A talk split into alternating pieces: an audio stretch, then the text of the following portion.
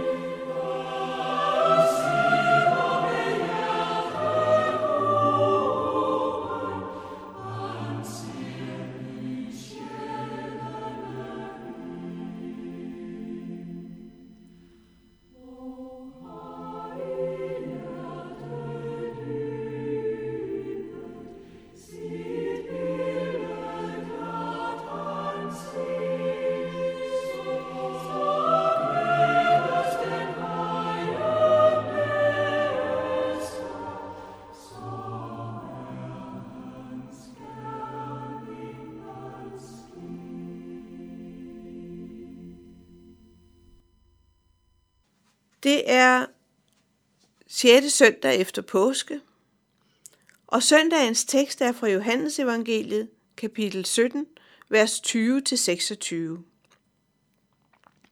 Ikke for dem alene beder jeg, men også for dem, som ved deres ord tror på mig, at de alle må være et, ligesom du, Fader, i mig og jeg i dig, at de også må være i os, for at verden skal tro, at du har udsendt mig. Den herlighed, du har givet mig, har jeg givet dem, for at de skal være et, ligesom vi er et. Jeg i dem, og du i mig, for at de fuldt ud skal blive et. For at verden skal forstå, at du har udsendt mig og har elsket dem, som du har elsket mig.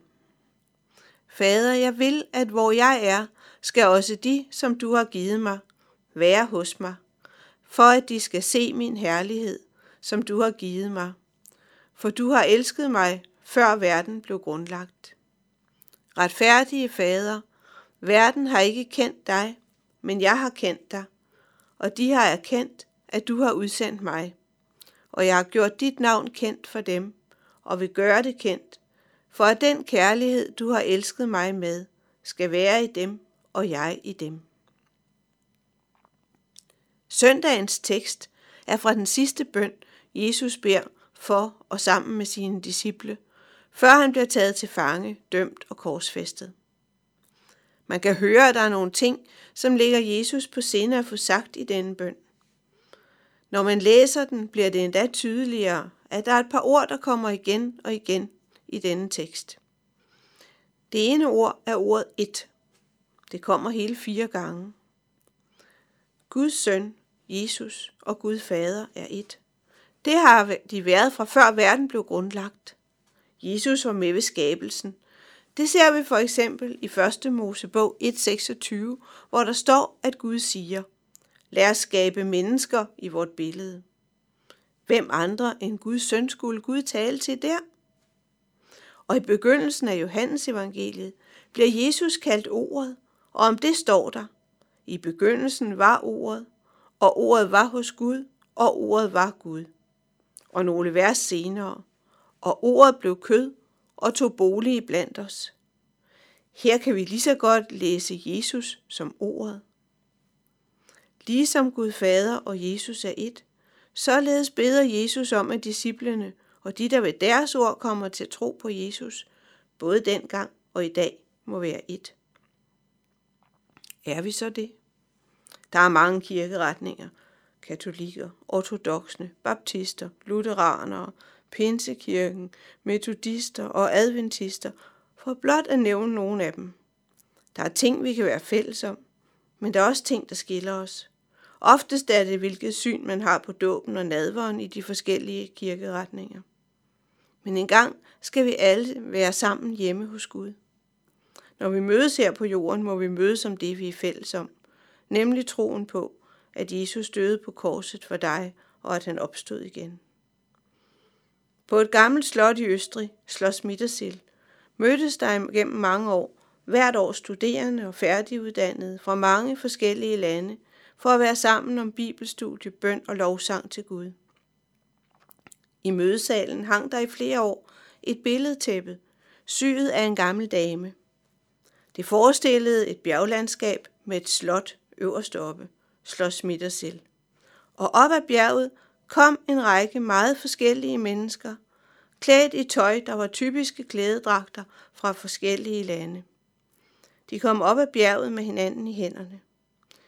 Det var både et billede, der skulle vise de forskellige nationaliteter, der kom til Slås Mittersill for der at være sammen i troen, trods forskelle i sprog, kultur, kristendomssyn og nationalitet. Men det var også et billede på, hvordan det skal være hjemme hos Gud en gang. I en lille børnesang lyder det, en gang skal vi synge i himmelens kor, i himmelens kor, men først må vi øve hernede på jord. Måske er der også noget, vi skal øve os i hernede på jord. Det centrale i denne del af Jesus sidste bøn er disse to vers. Den herlighed, du har givet mig, har jeg givet dem, for at de skal være et, ligesom vi er et. Jeg i dem, og du i mig, for at de fuldt ud skal blive et, for at verden skal forstå, at du har udsendt mig og har elsket dem, som du har elsket mig. Jesus og Gud Fader er et, men Jesus siger også, at han er et med disciplene og de, der kommer til tro på ham. Det rækker helt op til vore dage og videre frem. Lige forud har Jesus i den tale, han holdt til sine disciple, brugt et billede med, at han er et vintræ, og de er grenene. Grene er jo også en del af et træ, og det billede viser også, at Jesus er et med de, der tror på ham. Grene har også til formål at skulle bære træets frugter. Hvad er så formålet med, at kristne skal være et? Det er, at verden skal forstå, hvem Jesus er. Det kristne fællesskab er et vidnesbyrd for verden om, hvem Jesus er, og et vidnesbyrd om Guds kærlighed. Hvordan kan vi være et sådan vidnesbyrd? Jeg har lyst til at nævne et eksempel. I en bibelstudiegruppe på det gymnasium, hvor jeg gik, var der en ung mand, som kom fra en familie, der ikke var kristne. En dag fortalte han sin historie. Han havde brugt en sommerferie på at tage på en sprogskole i et andet land, sammen med mange andre unge. Der lagde han mærke til, at der var en gruppe af de andre sprogstuderende, der havde noget til fælles. De virkede mere kærlige over for andre og udstrålede mere fred.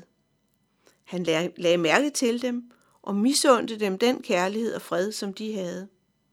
Derfor opsøgte han dem og fandt ud af, at de var kristne, og at det var Jesu fred og Jesu kærlighed, de udstrålede. Han ønskede at få det lige sådan, og sluttede sig til dem og kom til tro.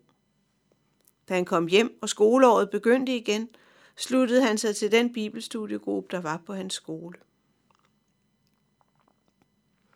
Vi vil slutte med en bøn. Herre Jesus, lad din kirke verden over få lov at pege på dig som skaber og frelser, så mennesker må se det og komme til tro på dig. Lad dit rige komme og bevar de kristne i troen på dig, til du kommer igen. Amen.